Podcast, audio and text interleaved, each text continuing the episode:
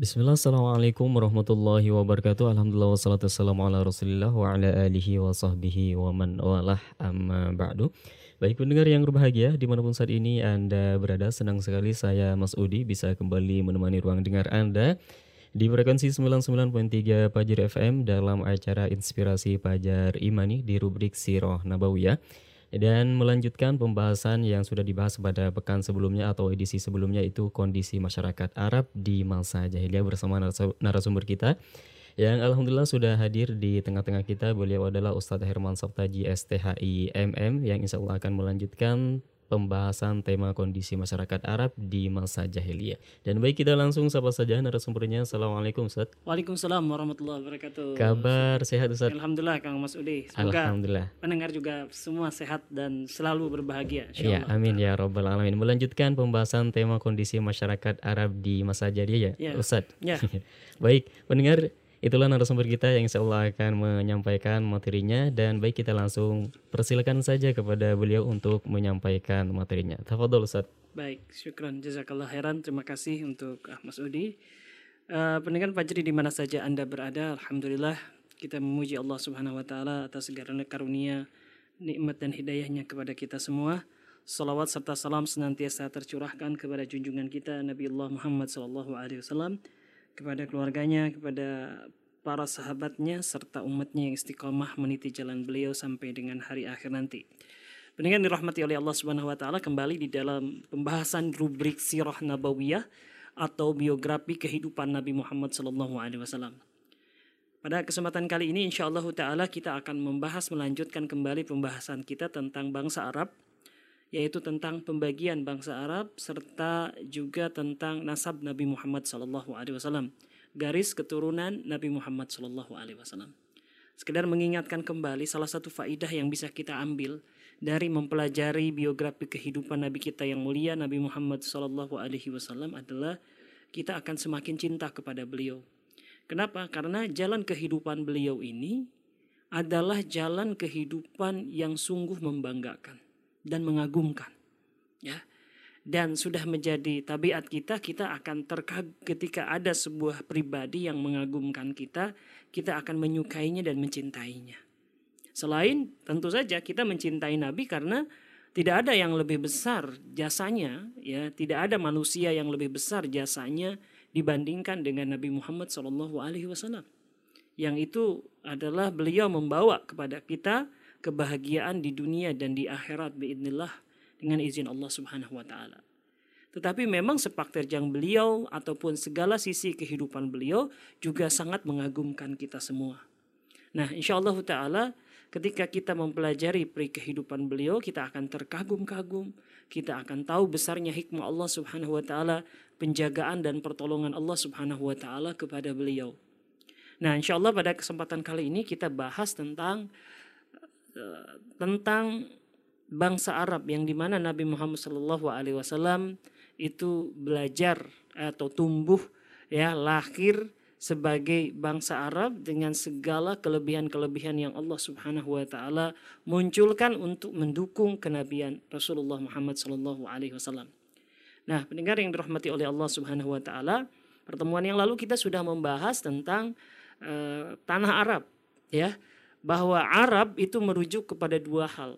Yang pertama adalah keadaan alam atau geografisnya. Yang kedua adalah merujuk kepada orangnya, yaitu bangsa Arab. Kita tahu bahwa Arab artinya secara bahasa adalah padang pasir. Ya sokhra, padang pasir. Atau tanah yang tandus, kering, yang sedikit sekali tanaman ataupun hewan yang bisa hidup di tempat itu. Nah, ini berada di daerah sekitar Asia Barat ya yang di mana dikelilingi oleh lautan-lautan dan tadi secara tanah ataupun daratannya mayoritasnya adalah padang pasir ya. Nah kemudian dengan karakter itu yang menunjukkan ya, kekerasan yang menunjukkan alam yang cukup mungkin bagi orang Indonesia yang terbiasa mayoritasnya ya banyak yang pohon-pohonan ya beberapa daerah juga sangat sejuk termasuk kita di Bogor ini atau di daerah Jabotabek ini mayoritasnya masih sejuk gitu kan itu itu akan sangat kesulitan ya kalau kita berada di padang pasir Ya jangankan padang pasir ya, kalau di Mekah saja yang itu sudah terfasilitasi ya dengan uh, apa namanya bangunan-bangunan, kemudian juga di masjid-masjidnya banyak terdapat AC gitu ya. Itu kita masih kepanasan kalau yang jamaah haji ataupun umroh. Apalagi kalau benar-benar di padang pasir. Nah, sehingga menjadikan orang-orang yang hidup di dalamnya itu memiliki karakter mereka memang uh, ditempa oleh alam yang begitu keras ya, alam yang begitu panas ya sehingga menjadikan mereka secara fisik juga bagus, secara mental juga bagus. Eh, tentu ada sisi negatifnya kita sudah bahas juga pada pertemuan yang lalu. Nah, ini dari segi geografis atau dari segi keadaan alam. Ketika kita berbicara tanah Arab, juga kita berbicara tentang penduduknya. Ya, penduduknya dari yang dikenal dengan nama bangsa Arab karena mendiami wilayah-wilayah uh, di sekitar Jazirah Arab tersebut. Nah, dari mana Nabi Muhammad Shallallahu Alaihi Wasallam ini berasal? Jelas beliau berasal dari suatu kaum atau dari satu bangsa yang disebut dengan bangsa Arab. Nah, uh, lebih jauh lagi tentang pembahasan tentang bangsa Arab ini, ya bahwa suku bangsa Arab secara umum itu terbagi menjadi tiga bagian. Ada yang disebut dengan orang Arab Ba'idah, ya, yaitu suku Arab yang sudah tidak ada lagi. Artinya mereka adalah bagian bangsa Arab yang sudah punah. Ya, nah, ini merujuk kepada suku-suku yang memang disebutkan di dalam Al-Quran. Mereka dulu pernah ada, tetapi sekarang sudah tidak ada lagi. Yaitu misalkan suku Ad, ya, suku Tamud, suku Matian. Ya, mereka ini disebutkan di dalam Al-Quranul Karim. Ya, nah, di dalam Al-Quran Karim. Dan tapi bangsanya itu sekarang sudah tidak ada Ya, ini disebut dengan Arab Baidah ya, yang sudah punah, sudah nggak ada lagi ya. Mereka itu eh, nggak ada lagi, mereka musnah, mereka punah. Ini dikarenakan pembangkangan mereka kepada Allah Subhanahu wa taala. Ya. Nah, ini bangsa Ad atau bangsa Samud contohnya. Yang kedua adalah disebut dengan Arab Aribah ya. Arab Aribah ini disebut dengan Arab asli yaitu mereka adalah orang-orang yang mendiami wilayah sekitar Yaman ya mereka ini berasal dari sebuah suku yang besar di daerah Yaman namanya Al-Qahtaniyah. Ya, Al-Qahtaniyah. Mereka inilah yang disebut dengan Arab asli. Kenapa? Karena mereka lah yang pertama kali berbicara dengan bahasa Arab. Ya. Nah, ini suku besar yang kemudian dari tempat itu dari negeri Yaman itu mereka berpecah. Ya. Artinya mereka menyebar ke berbagai penjuru ya di antara mereka ada satu cuku satu suku atau satu cabang suku yang disebut dengan suku Saba ya nah dari suku Saba inilah kemudian muncul dua kabilah besar lainnya dua suku besar yang lainnya yang disebut dengan Kahlan dan Himyar uh, Kahlan dan Himyar ya. Dari Kahlan dan Himyar ini juga beranak pinak lagi ya. Tersebar lagi suku yang banyak dari Kahlan dan uh, Himyar ini. Di antaranya adalah suku Bani Jurhum ya. Suku Bani Jurhum inilah yang kemudian mereka bermigrasi dari negeri Yaman sampai akhirnya ke daerah Jazirah Arab atau wilayah sekitar Mekah dan Madinah. Nah ini disebut dengan Arab Aribah gitu ya Arab asli asalnya dari Yaman, lantas mereka ber, apa, tersebar menyebar ke berbagai penjuru dunia. Nah, dan bahkan di Indonesia sendiri itu banyak orang-orang keturunan Yaman atau uh, banyak-banyak orang keturunan Arab itu ya memang berasal dari sana dari negeri Yaman. Ya. Bahkan sampai ke Amerika Selatan, ya, sampai ke negeri-negeri yang lainnya di seluruh dunia mereka tersebar, gitu ya keturunan Arab dari Yaman. Nah, Tadi ada satu suku dari cabang Kahlan dan Himyar ini yang kemudian mereka datang ke sekitar Mekah. Ya, yang di mana Nabi Muhammad SAW kita tahu lahir di Mekah. Kita lanjutkan kembali ya. Yang golongan yang ketiga inilah yang disebut dengan orang Arab musta'ribah ya atau dengan kata lain Arab musta'robah ya. Ini adalah orang yang tadinya bukan Arab lantas kemudian keturunannya menjadi orang Arab karena pernikahan. Ya, bahasa sederhana kita ini adalah Arab blasteran, percampuran, ya.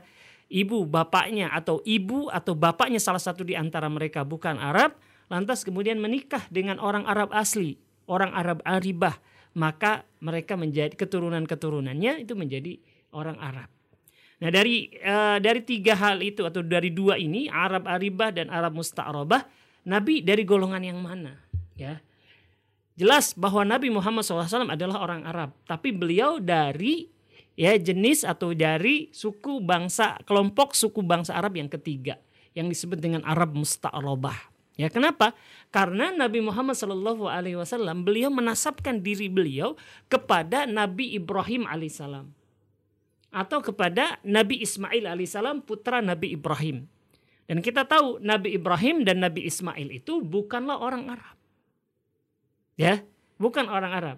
Nabi Ibrahim alaihissalam beliau ini berasal dari sebuah negeri di Persia ya atau sekarang atau dahulu disebut dengan nama negeri Babylon Babylon, Babil atau Babilonia. Itu di Persia, ya, di Irak, daerah sekitar Irak, ya.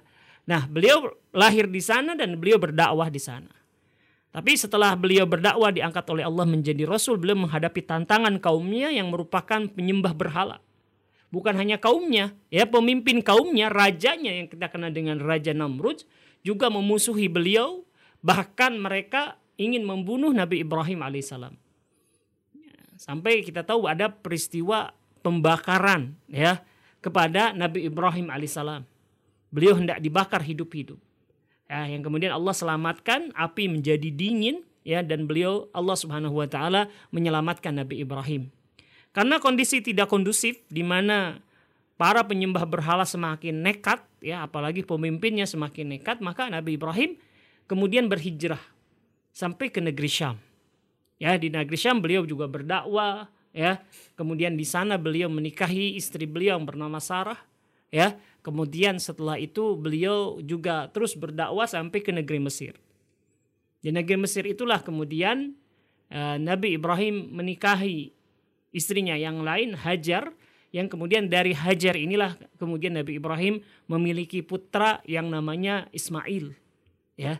Nah, dari sini kita tahu ya bahwa Rasulullah SAW menasabkan dirinya kepada Nabi Ibrahim dengan mengatakan millata abina Ibrahim ya dan di atas agama bapak kami ya bapak kami yaitu yaitu Nabi Ibrahim alaihissalam.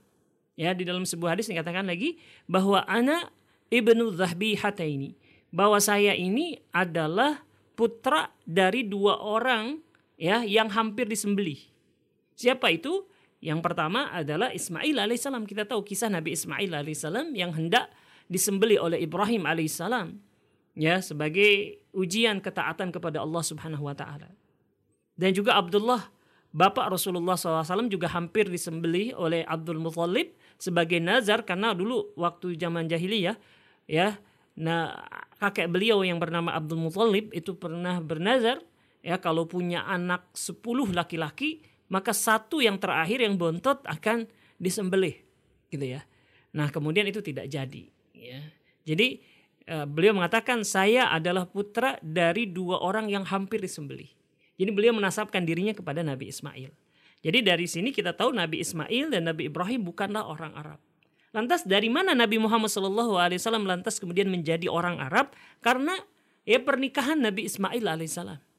Kita tahu Nabi Ismail itu ya dengan ibundanya yang bernama Hajar adalah termasuk ya di zaman dahulu orang yang pertama kali ya itu mendiami Mekah ya dengan adanya sumur Zam-Zam setelah ditinggalkan oleh Nabi Ibrahim. Nah, ketika mereka berdua tinggal di satu lembah dan ini sebenarnya bukan pertama kali, maksudnya setelah Mekah sepi, tidak ada penduduknya, mungkin karena ada banjir, karena ada migrasi dan yang lainnya sepi Mekah itu.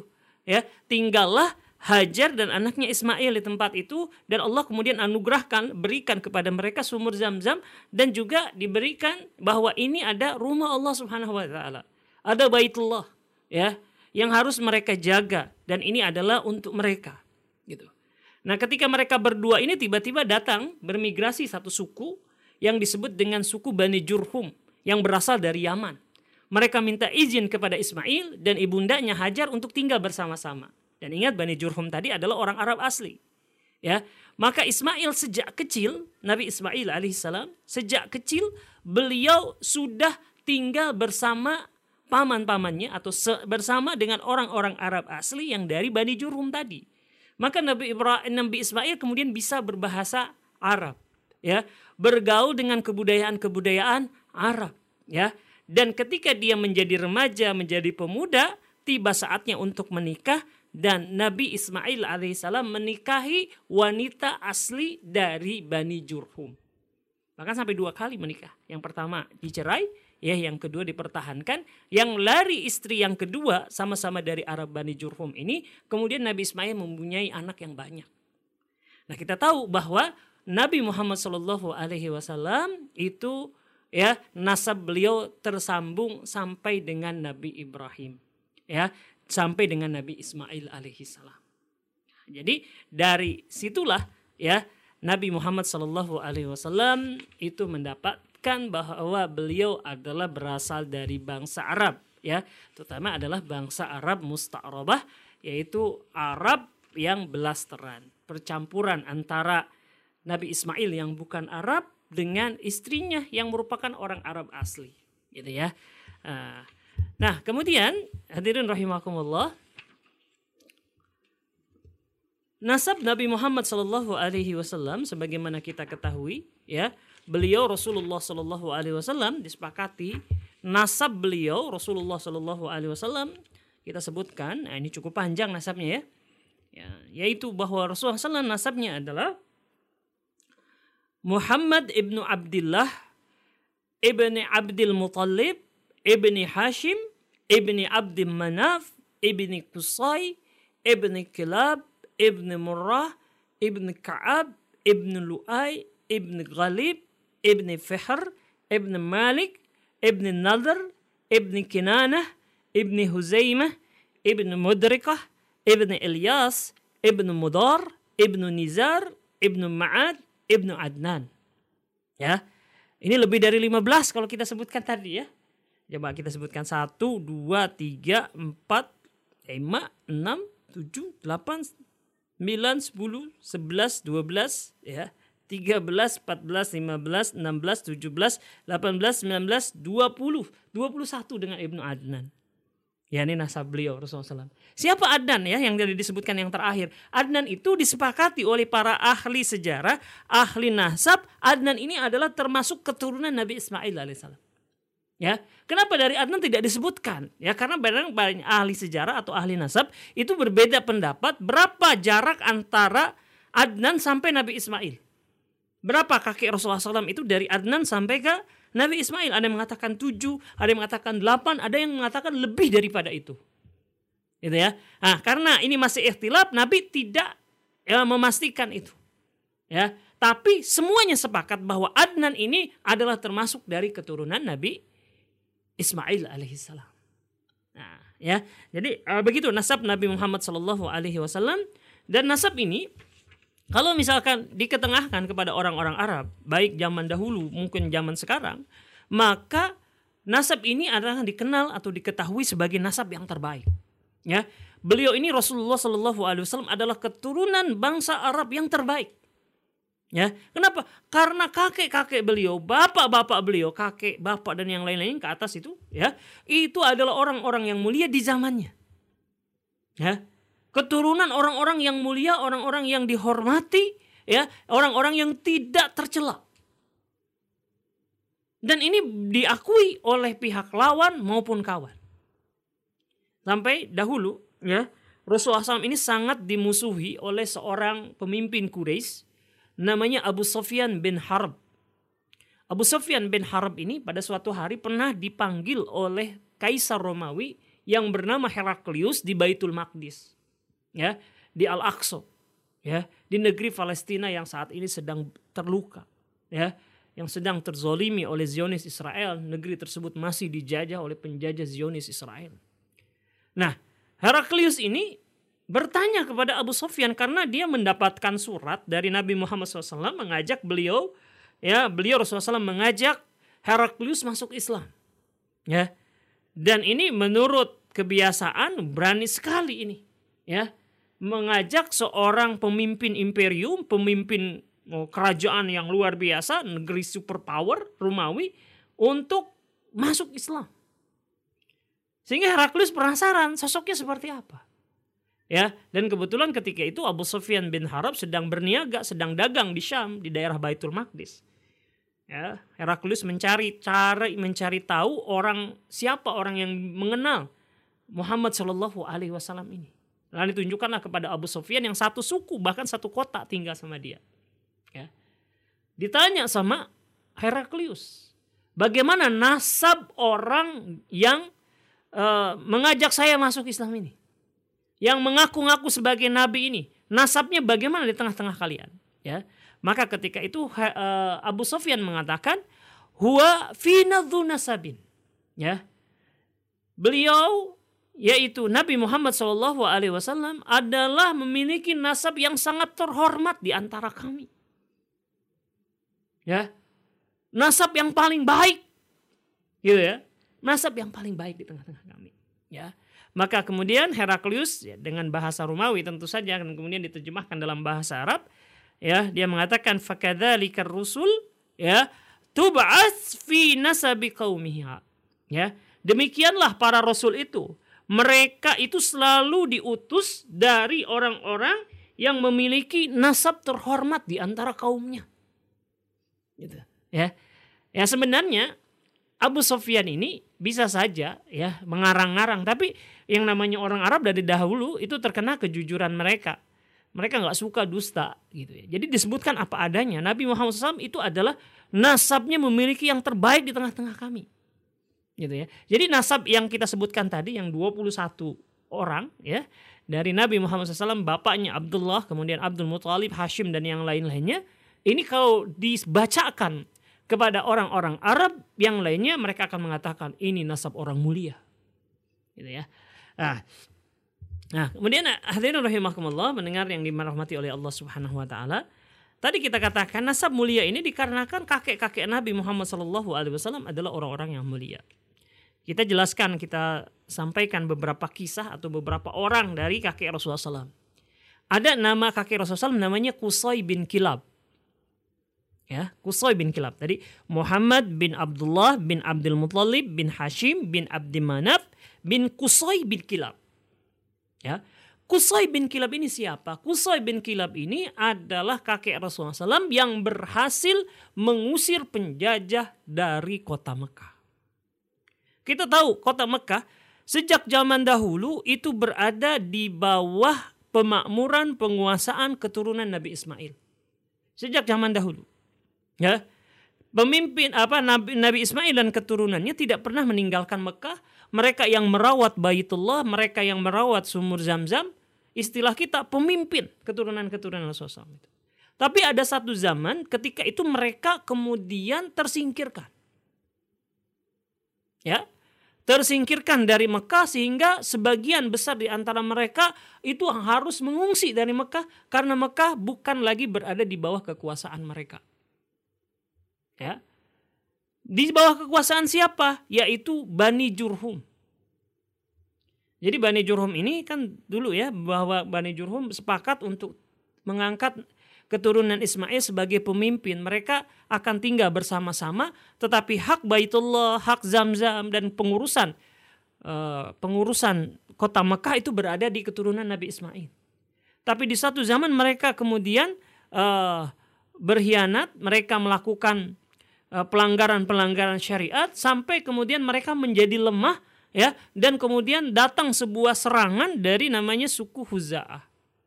Ya, suku Huza'ah. Dan akhirnya jadilah Mekah itu dijajah uh, oleh suku Huza'ah. Ya. Dan kemudian Nabi Muhammad sallallahu uh, apa namanya? Kakek Nabi Muhammad SAW namanya Kusai bin Kilab ini yang kemudian ya membebaskan Mekah dari penjajahan Bani Huza'ah. Ya. Bahkan uh, dengan cara apa? Dengan cara mengkonsolidasi keturunan-keturunan Nabi Ismail untuk datang ke Mekah dan kemudian memerangi penjajah yaitu Bani Huza'ah keluar dari Mekah. Jadi sangat berjasa buat penduduk Mekah, dengan penduduk Quraisy, ya namanya Kusoi bin Kilab. Ya. Kusoi bin Kilab ini juga yang kemudian membuat pengaturan ya lebih tertata di Mekah. Ya, siapa saja yang datang ke Mekah jangan khawatir dia akan selalu mendapatkan keamanan dan tidak usah bingung makan dan minumnya. Karena sudah Kusoi bin Kilab ya, kakek Rasulullah SAW ini sudah berjanji untuk melayani orang-orang jamaah haji dan umroh. Maka dia buat teknis sederhana, dia buat anak-anaknya itu ya untuk melayani Baitullah dan jamaahnya. Ya. Ada bagian yang bertugas untuk memberi makan yang disebut dengan tugas rifadah. Ya. Ada yang bertugas untuk memberi minum disebut dengan tugas sikayah. Ya.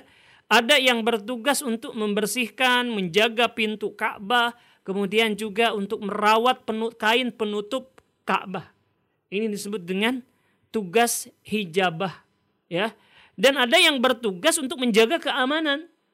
Ya, menjaga keamanan, memerangi gitu ya. Kalau ada orang-orang yang mau mengganggu Mekah, ini disebut dengan tugas liwa. Nah, ini diatur di zaman Kusoi bin Kilab. Gitu ya. Dan sampai sekarang tugas itu ada.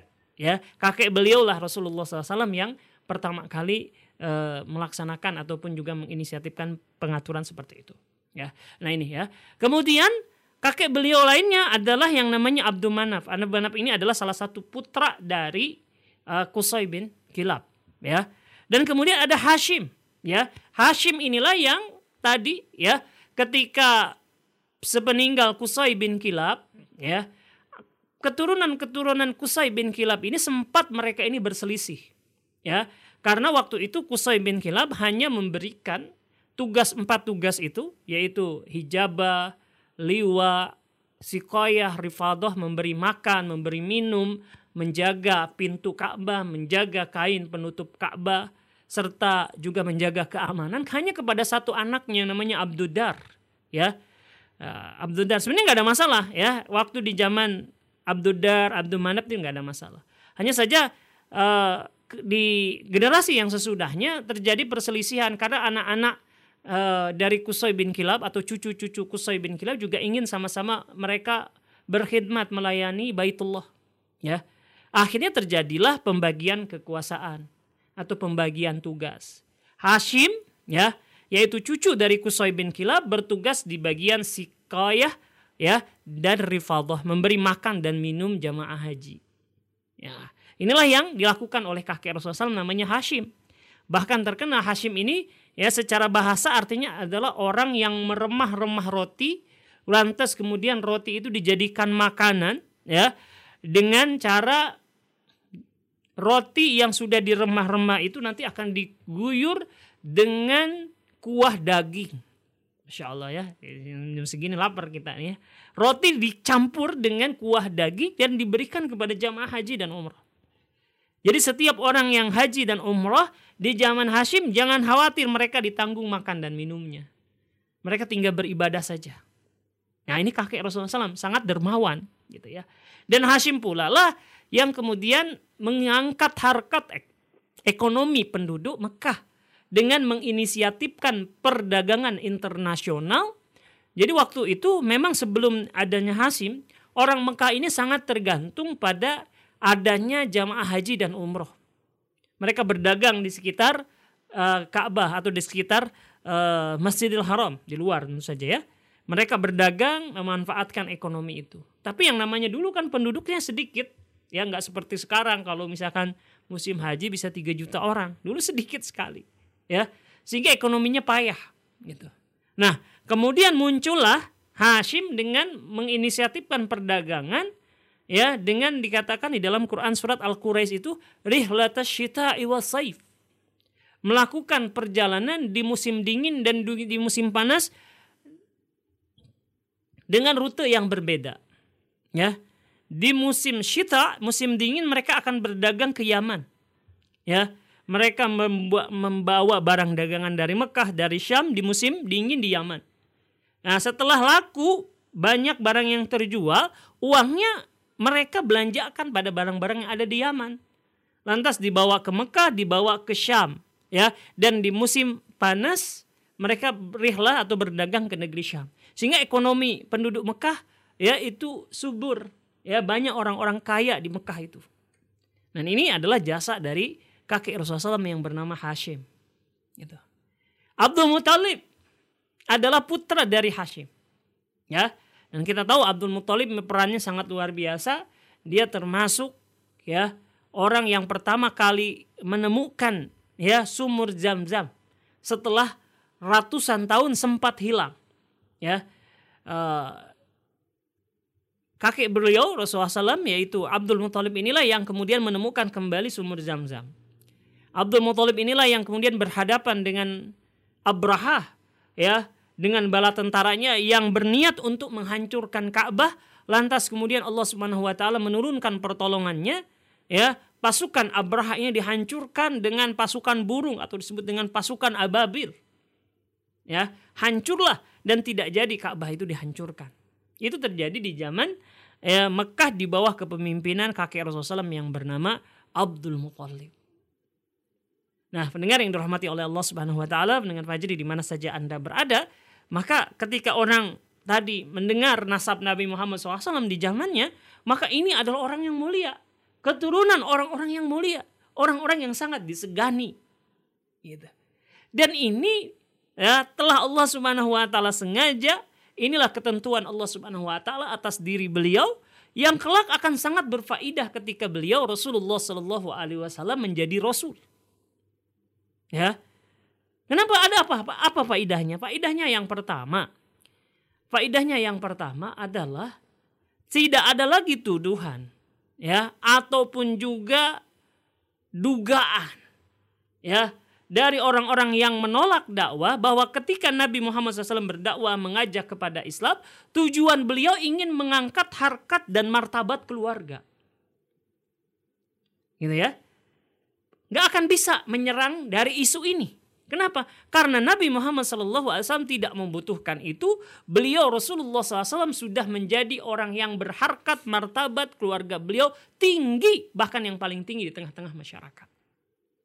Ya, ini faedah yang pertama. Tidak bisa diserang dari situ. Ya, ini mah ingin memperbaiki keturunan enggak. Beliau Rasulullah Shallallahu Alaihi Wasallam adalah keturunan dari orang-orang yang terbaik di zamannya. Faedah yang kedua, faedah yang kedua adalah memberikan kepercayaan diri kepada para pendukungnya, pada para sahabatnya, bahwa Rasulullah SAW adalah orang yang mulia, ya, bukan orang yang tidak dikenal, ya sehingga para pendukungnya juga semakin yakin kepada Rasulullah Shallallahu Alaihi Wasallam. Itu. Nah, ini faidah-faidah yang bisa diambil dari silsilah keturunan Nabi Muhammad SAW ke atas. Ya, nasab beliau adalah nasab yang mulia. Ya, beliau adalah keturunan dari Nabi Allah Ibrahim alaihissalam, keturunan Nabi Ismail alaihissalam, ya, dan beliau ya keturunan keturunan Nabi Ibrahim, Nabi Ismail itu tidak sekalipun meninggalkan Mekah. Mereka tetap berada di sana dan salah satu di antara keturunan Nabi Ismail itu itu kemudian melahirkan Nabi Muhammad Sallallahu Alaihi Wasallam. Ya, nah ini yang bisa saya sampaikan ya tentang nasab Rasulullah Sallallahu Alaihi Wasallam. Mudah-mudahan berfaedah. Wallahu a'lam bishawab. Sallallahu wa ala. Ya pendengar yang berbahagia demikian materi lanjutan dari sebuah tema kondisi masyarakat Arab di masa jahiliyah. Dan silakan bagi anda yang mempunyai pertanyaan-pertanyaan bisa langsung dikirimkan saja. Mungkin ada kalimat-kalimat yang belum dipahami dari penyampaian yang sudah disampaikan oleh narasumber kita. Bisa langsung dikirimkan saja pertanyaan-pertanyaan anda di 0811 11 10 993 dan insya Allah akan dijawab setelah jeda berikut.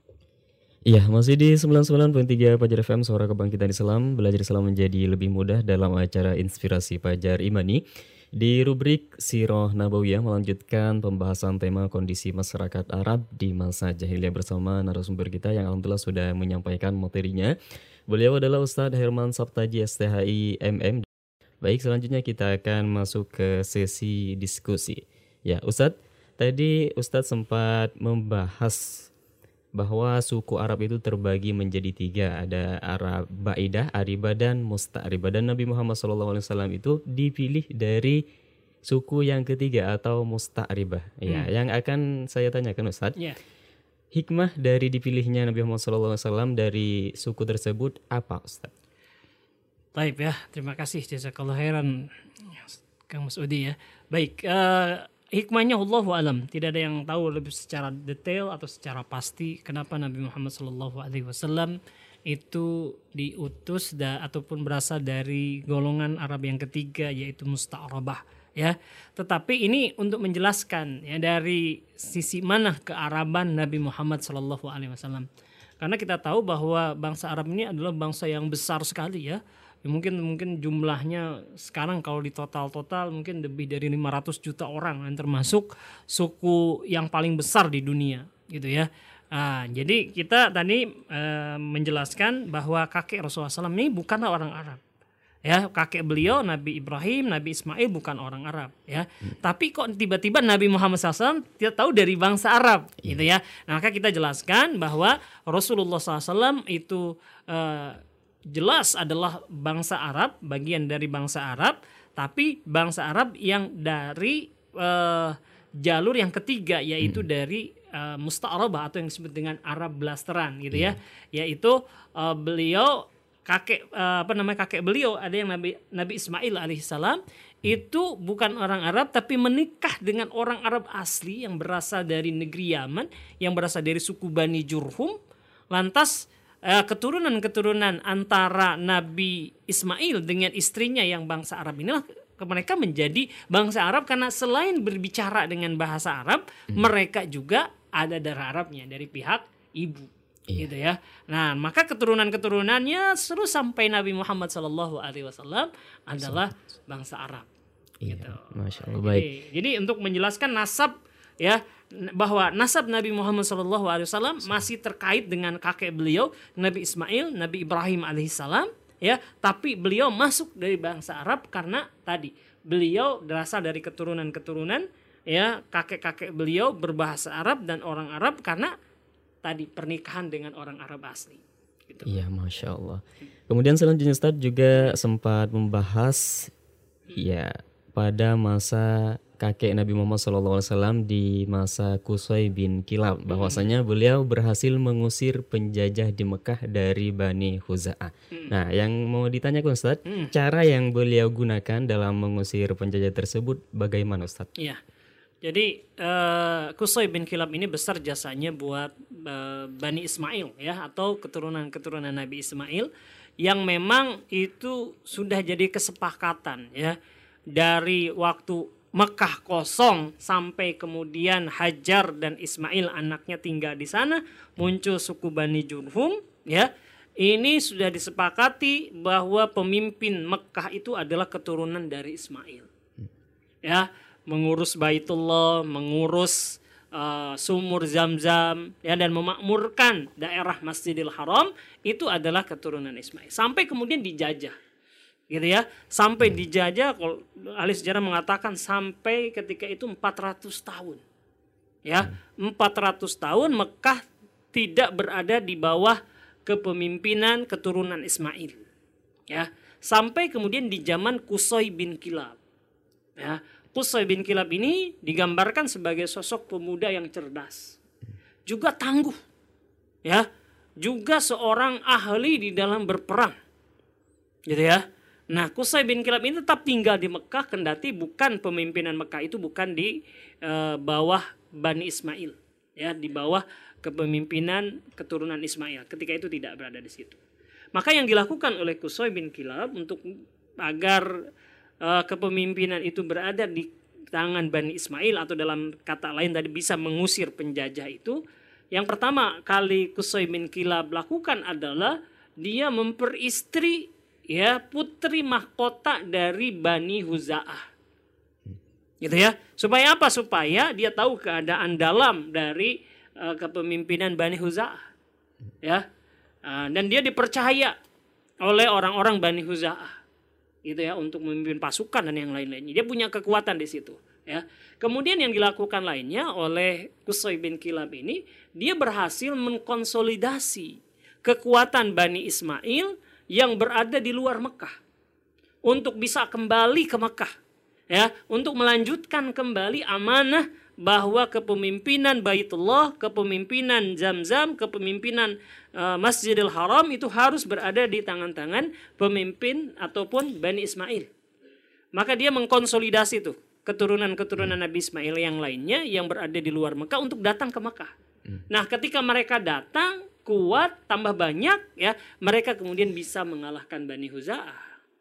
gitu Hmm. ya jadi itu mungkin strategi yang dilakukan oleh Qusay bin Kilab ya untuk bisa mengusir para penjajah yang ketika itu menguasai Mekah Allahu alam Iya baik. Selanjutnya Ustadz ada Hmm. pertanyaan dari pendengar ini baru masuk Ustadz dari Bapak MK pesannya Assalamualaikum Pak Ustadz. Saya MK mau nanya apakah keturunan Nabi Muhammad SAW itu masih ada sampai sekarang? Ya, ya keturunan Nabi Muhammad Wasallam jelas masih ada. Ya kita tahu bahwa keturunan Nabi Muhammad Wasallam itu dari jalur Fatimah. Fatimah memiliki putra yaitu Hasan dan Hussein. Gitu ya. Hasan dan Hussein ini kemudian memiliki anak-anak yang banyak. Ya, yang kemudian bersebaran ya, mungkin sampai sekarang juga ada gitu ya. Jadi keturunan Nabi Muhammad Shallallahu Alaihi Wasallam tetap ada ya tetap ada gitu. Gitu. Tapi ya tadi ya tetap ada memang eh, dan klaim itu ataupun yang mengaku sebagai keturunan Nabi Muhammad Shallallahu Alaihi Wasallam dia harus menyodorkan silsilahnya ya eh, bahwa benar mereka ini adalah keturunan Nabi Muhammad SAW. Ya kalau benar ya atau prasangka kita itu benar keturunan Nabi Muhammad SAW, maka kita harus menghormatinya. Kita harus cintai karena ini disebut dengan ahlul bait Nabi Muhammad Sallallahu Alaihi Wasallam. Ya, tetapi kalau mereka misalkan yang di antara keturunan Nabi Muhammad Wasallam ini memerintahkan kepada kita suatu hal yang ma'ruf, ya kita ikuti. Ya, suatu yang sesuai dengan syariat kita ikuti. Tapi kalau yang bertentangan dengan syariat, ya tidak harus diikuti, ya kan harus ditinggalkan, gitu ya. Karena eh, kita ini tentu saja adalah mengikuti Allah Subhanahu Wa Taala, mengikuti ketentuan Allah, ketentuan Rasulullah Sallallahu Alaihi Wasallam, gitu ya. Ya demikian ya jawabannya semoga dipahami oleh Pak siapa tadi Pak Muhammad hmm. Kendi. ya. Hmm. Semoga dipahami dan bisa disampaikan kepada orang-orang terdekat dan tak terasa Ustadz Ya. kebersamaan kita sudah berada di penghujung acara. Terima kasih atas ilmunya Ustadz dan juga para pendengar yang sudah ikut berpartisipasi dalam acara Inspirasi Fajar Imani kali ini di rubrik Sirah Nabawiyah dan akhirnya saya Mas Udi beserta kru yang sedang bertugas mohon pamit undur diri dari ruang dengar Anda. Subhanakallahumma wa bihamdika asyhadu an la ilaha illa anta astaghfiruka wa atubu ilaik. Wassalamualaikum warahmatullahi wabarakatuh.